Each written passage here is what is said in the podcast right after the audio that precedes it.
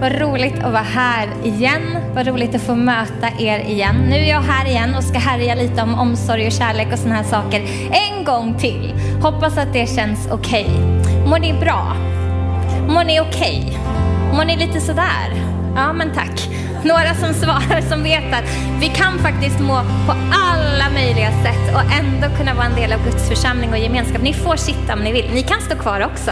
Ni kan komma upp några stycken av er om ni känner för det så gör vi det här tillsammans. Det är helt okej. Okay. Jag vill att du ska känna dig avslappnad och välkommen hit idag. Jag heter Kristin Wiklund och jag har redan presenterat mig så vi behöver inte slösa tid med det. Men jag har ju glömt vad ni heter igen. Kan inte ni berätta för mig? Vad är det ni heter nu igen? Just det, Nils. Bra. Vad är det ni heter nu igen? Oj, det var svårt. En gång till. Ricardo, bra. Och vad är det ni heter nu igen? Linnea, perfekt. Nils, Ricardo och Linnea, så kul att träffa er igen.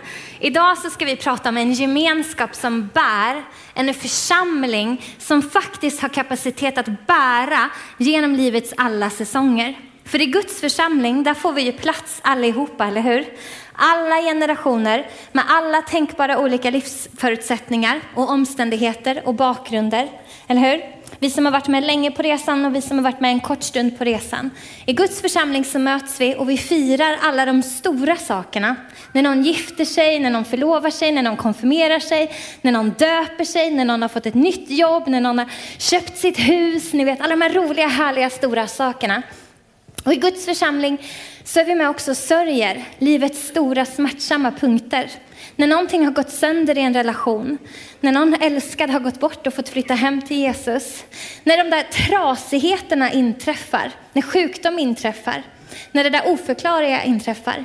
Så det är smärta och förlust och det är fest och firande. Det är alla generationer och det är alla människor med alla olika förutsättningar. Och någonstans i det här så finns det en kallelse som Jesus ger oss. Att han ska bygga sin församling och inte ens helvetets portar ska kunna stå emot den. Det är en ganska hög kallelse. Det är ett ganska stort uppdrag. Han kallar oss till att vara ett ljus i mörkret. En stad på berget som ska lysa och göra skillnad i sitt samhälle, i sitt sammanhang, i sin stad. Det ska göra skillnad för Skövde att Betel finns här. Jag tror att det gör skillnad för Skövde att ni finns här. Inte bara som kyrka, även om det är en jätteviktig del av det. Det är en jätteviktig del att man kan titta upp mot det här berget eller den här kullen, backen. Okay. Det är inte riktigt ett stad på berget, men ni vet. Det är en backe upp. Jag såg er komma gående. Det är lite kämpigt för dåren. Liksom. Man måste upp. Men det gör skillnad att man kan titta upp mot den här byggnaden och se banderollen där det står hopp finns här. Jag tänker på alla de som bor i bostäderna runt omkring som tittar ut mot den fasaden dagligen och ser det hela tiden. Hopp finns här. Vad gör det för skillnad för deras hjärtan, deras processer? När de sitter där på sin balkong och funderar över sin vardag och så ser de att där borta kommuniceras det hopp. Det finns tydligen hopp här i Skövde. Jag tror att det gör skillnad.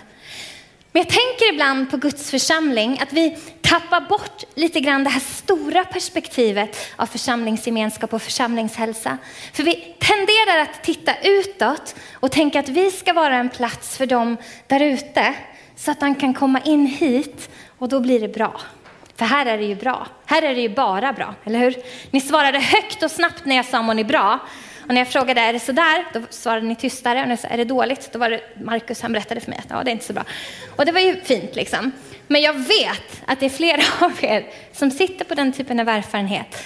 Och det är inte alltid lätt här i vår gemenskap. Trots att vi är en sån kärleksfull gemenskap. Trots att jag alltid känner mig hemma när jag kommer hit. Trots att jag blir mottagen med så vackra blickar, så mycket leenden, så många kramar och alltid någon som frågar vill du ha kaffe, behöver du någonting? Det är så mycket tjänande och kärlek. Och jag tror att vi är bra på det som Guds folk. Vi är bra på att ge ut för vi vet att det är en del av vårt uppdrag. Vi vet att den här boken ger oss en instruktion i Galaterbrevet 6 att vi ska bära varandras bördor. Då uppfyller vi Kristi lag. Sen är det intressant att det står någonting om att var och en också behöver bära sin egen börda i precis samma vers. Det är liksom mening, punkt och så nästa mening. Ty var och en måste bära sin egen börda. Det finns någonting som vi alla bär på och det är inte helt lätt i gemenskap att både vara den som ger ut och den som får ta emot. Både vara den som kan sträcka sig ut och betjäna någon annan. Det har vi kanske lite lättare för, för där finns ett uppdrag. Där finns en tydlig kallelse. Men jag är här för att berätta för er idag, och det vet ni såklart redan, för ni, ni brukar veta det mesta jag säger. Men okej, jag är här för att påminna er idag om det ni redan vet, att kallelsen är lika mycket att ta emot. Men det är svårare för oss med det där att ta emot. För delen som handlar om att ta emot, den gör att vi måste komma ihåg att vi alla är människor. Det allmänmänskliga. Och när jag tittade på de här förbönslapparna som lades upp här i bakgrunden, du får jättegärna lägga upp dem igen om det är möjligt, media. De lapparna med det som vi ber för gemensamt, om vi skulle titta på dem i några sekunder och tänka att det här gäller oss, det här gäller mig, det här gäller dig, det här gäller kanske den som du sitter bredvid idag och du kanske inte vet om det. Ja, det kom inte upp. Men det hade varit mer effekt om det kom upp. Då hade ni sett det och så hade jag sagt det liksom. Men nu kom det. Det här gäller oss. Det här gäller vår gemenskap. Det här är inte bara primärt eller endast de där ute som ska komma in hit och då blir allting bra. Det här är vi. Det här är en del av den mänskliga upplevelsen. Smärta och förlust. Och glädje och firande och fest ni vet, allt ifrån begravningen, nu ska vi se, vart börjar vi? Födseln, där börjar vi. Man måste börja i rätt ände, liksom, om man ska hålla på med sina armar. Allt ifrån födseln, via dopet och bröllopet, via livets smärtsamma punkter. Det kanske blir en skilsmässa till och med någonstans här på vägen. En depression, någon tappar liksom, lusten helt och hållet. Jobbet, man kanske går i konkurs, personlig konkurs. Det finns en begravning här borta. Ibland ser vägen inte ut så. Jag menar inte att vi, liksom, vi föds och vi döper oss, vi gifter oss och vi skiljer oss och vi dör. Det kan se helt annorlunda ut också. Men det finns en cykel av livet där den går igenom olika passager. Och jag vet att i det här rummet så finns det olika sådana livscykler. Det kanske började på ett sätt och så blev det kämpigt och så blev det bra igen och så blev det kämpigt. För det är så i alla fall mitt liv ser ut och kanske någon mer här inne. Och då tror jag ibland att när vi tänker på vårt uppdrag och vår kallelse som församling så behöver vi titta lite mer på vad gemenskapsbegreppet faktiskt står för i Bibeln. När Gud kallar oss till att vara en gemenskap som bär, vad innebär det? För jag är helt säker på att de flesta av oss tänker vi ska bära de andra. Och vilka är de andra? Och jag vill påstå att vi kan inte bära de andra om vi inte låter oss bli burna av de andra. Om du inte kan titta dig runt i raden just nu och se dig själv som den som blir buren av en annan så är det himla svårt att vara den som bär. Och Jesus är tydlig med det här hela tiden, gång på gång. Jag vet inte hur många gånger han säger till oss, nu måste jag veta vad klockan är för nu kommer jag i gasen här igen. Just det, där är klockan. Bra. Jag glömmer bort att jag har anteckningar när jag tittar på er. Det är det som är problemet varje gång jag är här. Jesus är tydlig med det här. Han ger oss aldrig bara den ena instruktionen. När han berättar för oss vad det viktigaste uppdraget är så är han jättetydlig med ömsesidigheten, det allmänmänskliga. Det här att det är både att älska sin nästa som sig själv, men som sig själv finns i det. Och det som börjar, det som startar hela uppdraget, det är att älska Gud. Och det kan vi ju bara göra om vi har förstått att Gud är kärlek och vi älskar det för att han först har älskat oss. Så att ta emot Guds kärlek blir förutsättningen för att kunna ge tillbaka någonting. Att ha förstått att du är älskad blir förutsättningen för att kunna ge ut kärlek. Och det här har jag sagt varenda gång jag kommer hit. Så det är liksom inget nytt. Men det är för att det är så fundamentalt viktigt. Det går nästan inte att säga någonting annat om omsorg om vi inte börjar där. Kärleken startar med Gud.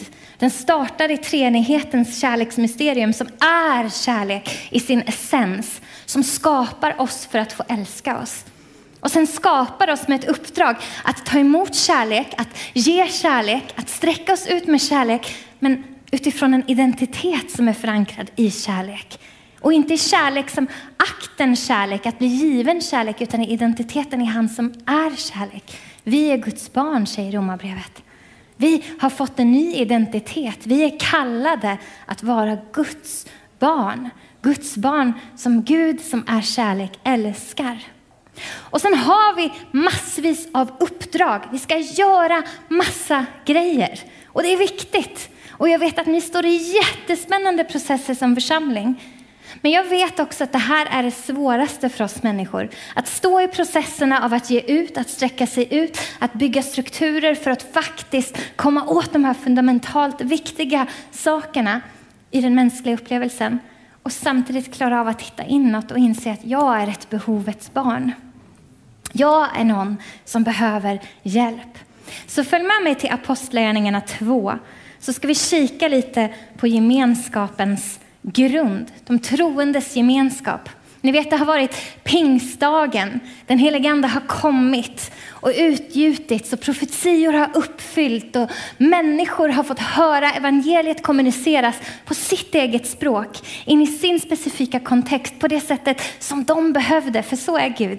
Han är personlig och han låter var och en inse att det här är för dig, det här gäller dig, de goda nyheterna gäller dig. Han sträcker sig ut till var och en av oss och drar oss nära sitt hjärta och kommunicerar sitt goda budskap till var och en så att alla ska kunna tillgodogöra sig det.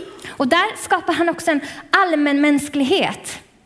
Han gör någonting med hierarkier. Han bryter dem totalt, Jesus.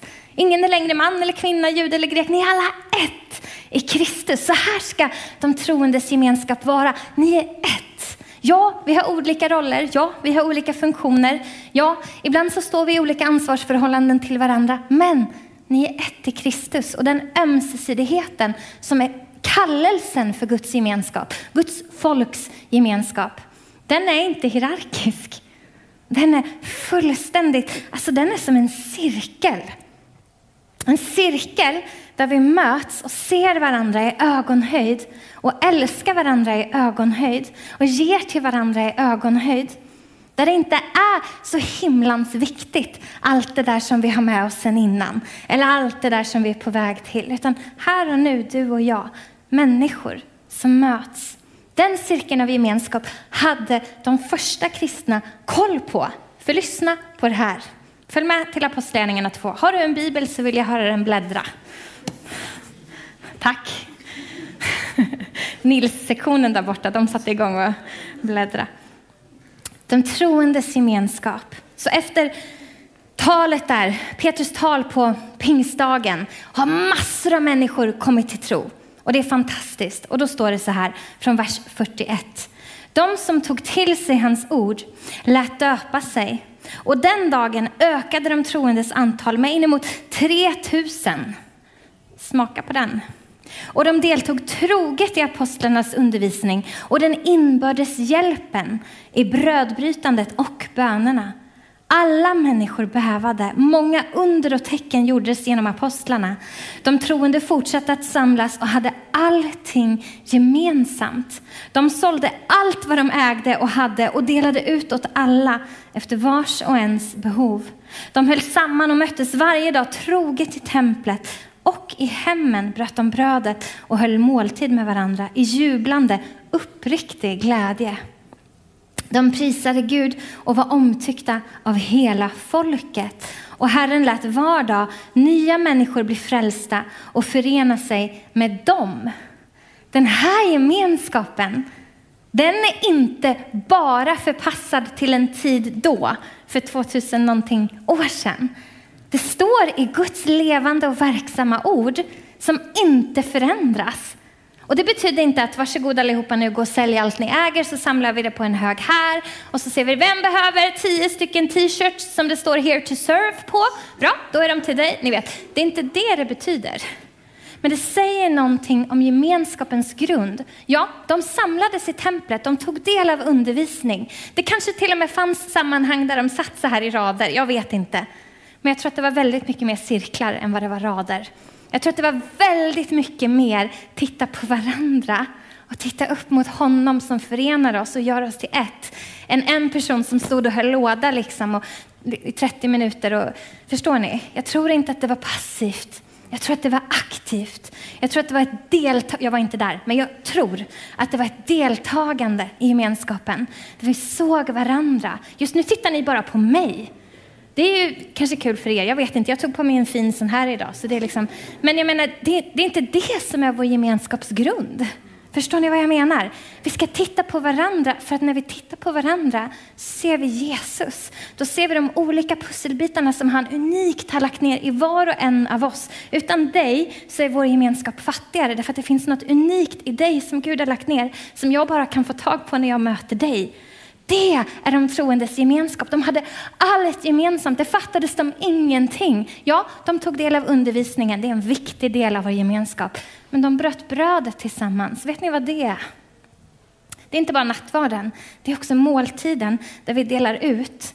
Där vi samlas kring någonting. Vi samlas kring matbord. Vi samlas i livets stök och bök, där barn vägrar att ta på sig tröjor och jag vill inte borsta tänderna idag. Kan vi samlas i sådana rum?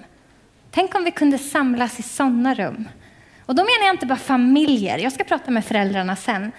Tänk om singlarna i vår gemenskap också var en del av det stöket.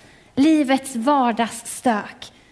Tänk om vi hade gemenskap runt våra bord där vi faktiskt bjöd in varandra och funderade över det ska inte fattas oss någonting. Vilka behov finns runt det här bordet? Vi förser varandra, men Gud förser oss. Därför att vi är kallade att bära varandras bördor och var och en måste bära sin egen börda. Vi kan inte ta sorgen ifrån varandra, smärtan och förlusten. Vi kan sällan lösa situationer för varandra. Ibland så kan vi underlätta när det är stökigt, men vi kan sällan ta smärtan ifrån varandra. Men vi kan delta i varandras smärta. Vi kan vara medvandrare på resan som är livet. Vi kan sitta med varandra och tillåta ärligheten, transparensen, sårbarheten vara en del av vår gemenskap. Och då händer det någonting. Därför när Jesus ber för sitt folk, för, när han ber för sin församling, då säger han att han ber att vi ska vara ett och att den härlighet som Fadern har gett honom ska vara synlig mitt ibland oss, för då ska världen tro. När Jesus samlar lärjungarna i det, oh, förlåt, så får man inte göra, i det övre rummet, innan det är dags att gå till Getsemana, innan det är dags att gå till korset, innan det är dags att dö och uppstå, så samlar han dem och pratar med dem. Och sen så gör han någonting som är helt radikalt. Han sätter sig på knä framför dem, hämtar en handduk och börjar tvätta deras fötter. Han som är den enda som faktiskt skulle kunna hävda hierarki, att bara I'm it, liksom, nummer ett, faktiskt skulle kunna säga jag är över. Han böjer sig ner och blir de andras tjänare. Han böjer sig ner och säger det här är gemenskapens grund. Det här, är, det här är vad som krävs Petrus. Om du vill ha gemenskap med mig, då måste du se dig själv som mottagaren av behov, av kärlek. Att jag får förse dig med någonting. Och sen så skickar han handduken och säger, gör nu som jag. Det här är gemenskapens grund. Se dig själv som den som tar emot och den som kan ge vidare. Ifall du inte kan göra det kan du inte ha någon gemen... Oh! Fastnar i min egen... Men den var fin, eller hur? Om du inte gör det så kan du inte ha någon gemenskap med mig. Det här är gemenskapens grund, Petrus. Förstår du? En gemenskap som bär, då behöver du kunna se mig tjäna dig lika mycket som du kan se dig själv tjäna någon annan. På er kärlek ska de förstå att ni är mina lärjungar. När Jesus säger det här så är det inte lättvindigt. För han säger också till dem, Ingen har större kärlek än den som ger sitt liv för sina vänner. Jag kallar er inte längre tjänare. Det handlar inte om vad ni gör för andra människor. Jag kallar er vänner. Det handlar om hur ni ser på andra människor. Och vet du, ibland är det lätt att se på andra människor som några som är så dyrbara och så älskade av Gud och jag vill ge dem det här. Men innan du har brutit hierarkin och ser på dig själv som behovets barn, att nästa sekund är det du som behöver bli betjänad, då är det bara ett jobb vi gör för Gud. Och han är inte intresserad av det. Han är intresserad av vänskap. Han är intresserad av att tvätta fötter och se fötter bli tvättade. Han är intresserad av att se bördor bäras i gemenskap, måltider delas i gemenskap. Livets stök och bök delas uppriktigt och transparent. Det är vad han är intresserad av. Jag tror att vi kan göra så mycket skillnad för Skövde och för världen och så vidare. Men jag är inte intresserad av kyrkor som vill tjäna sitt samhälle. Jag är intresserad av kyrkor som vill sätta sig på knä, ta fram en handduk och säga idag är det du som får fötterna tvättade, imorgon kanske det är jag. Jesus kom för att bryta hierarkier. Vi är alla ett i Kristus. Det här är viktigt.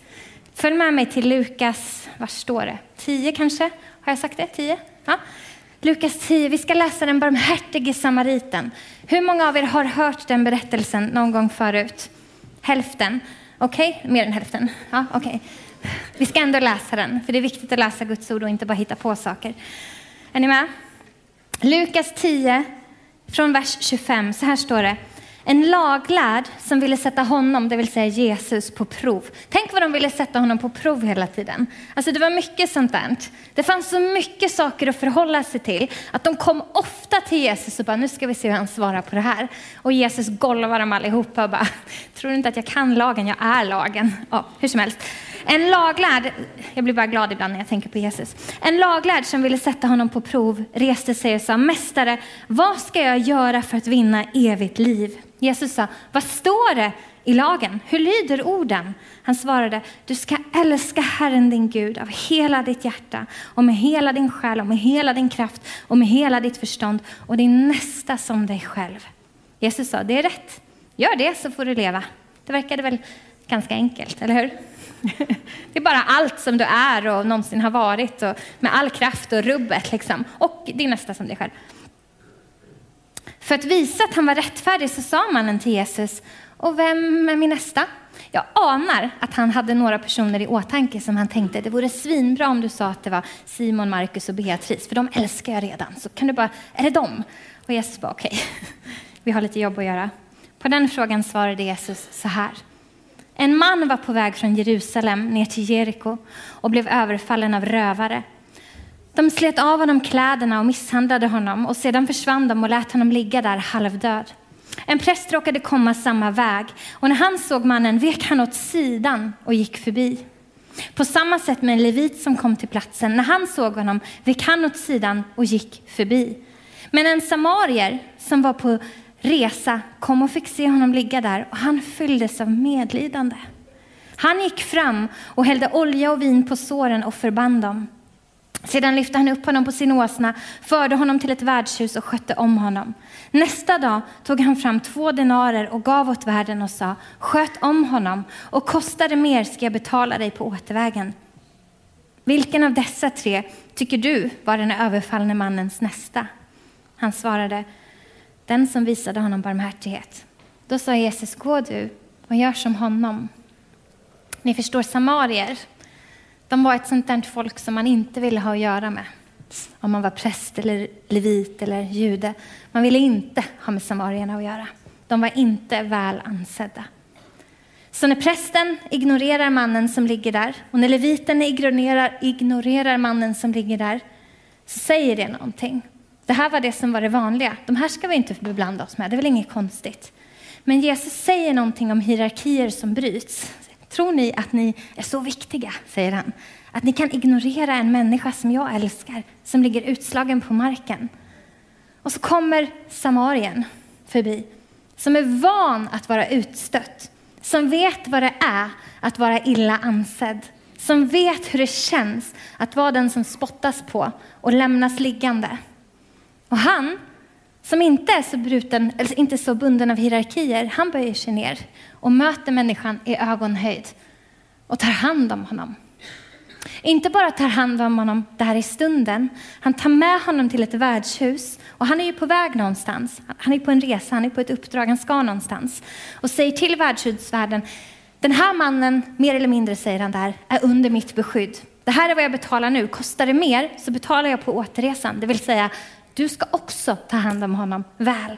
Därför att jag betalar för att det ska, liksom, det är täckt. Han har täckning när han är hos dig nu. Han står under min täckning. Och så säger Jesus att det här är din nästa. Vem helst du ser liggande i behov är din nästa. Men kom ihåg att han först har berättat om det viktigaste budet och konstaterat att det är din nästa som dig själv.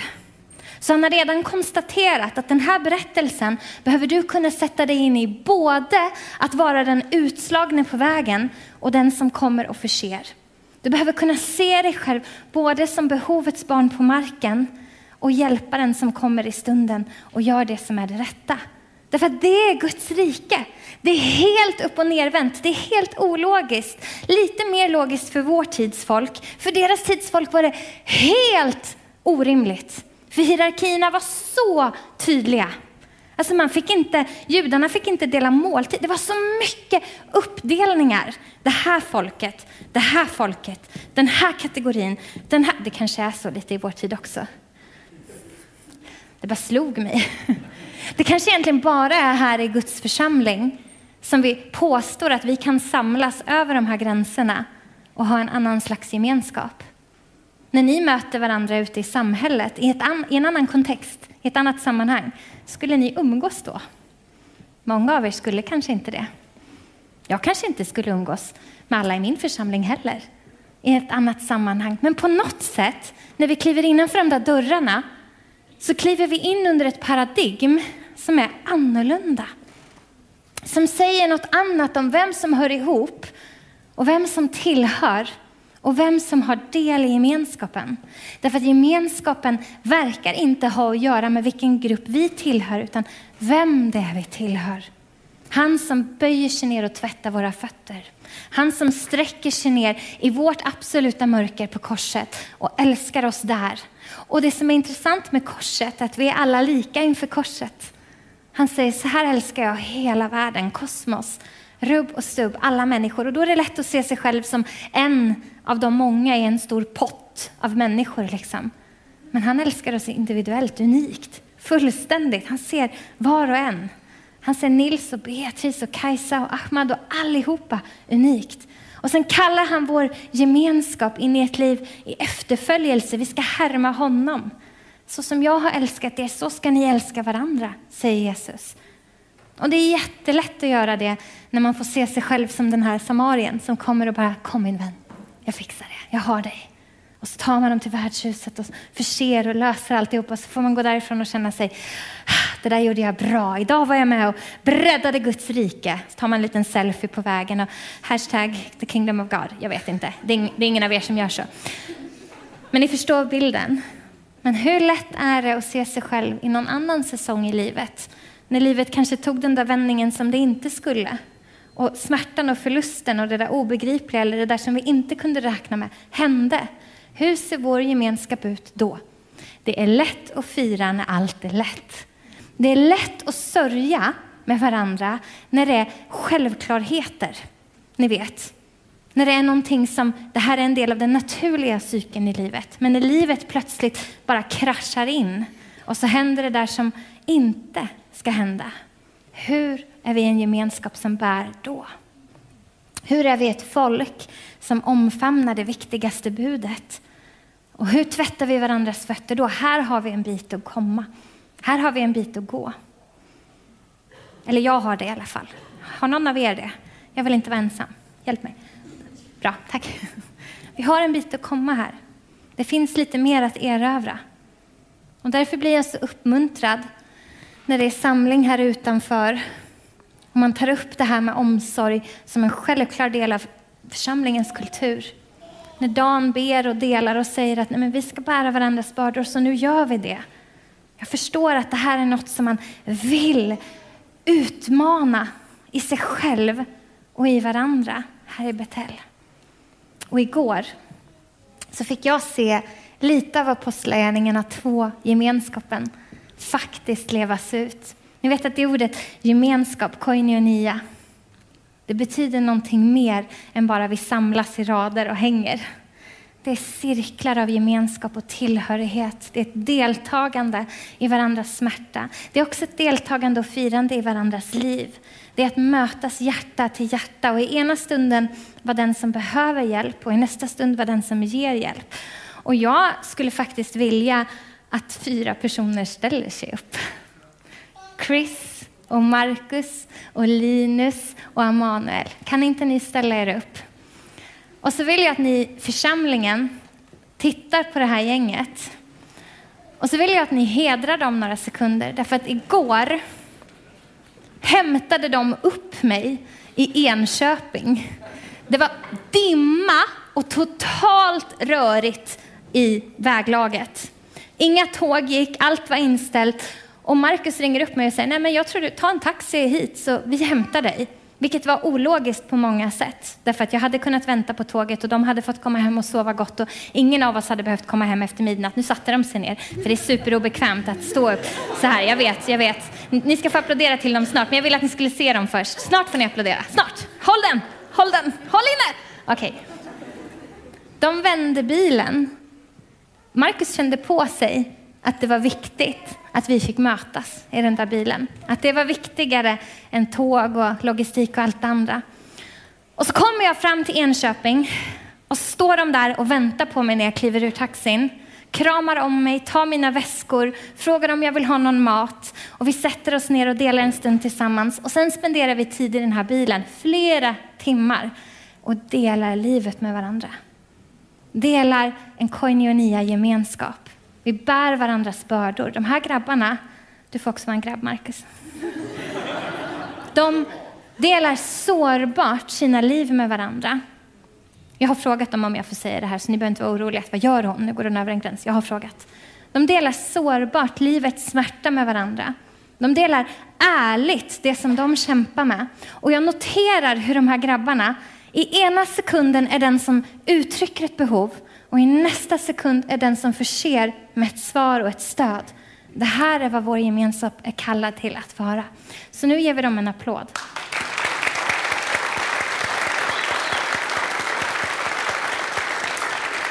Och sen sitter jag där i bilen och vi inser att nej, jag kommer komma till Skövde efter midnatt. Det här blir sent. Och jag ska bo hemma hos Emma och Gustav.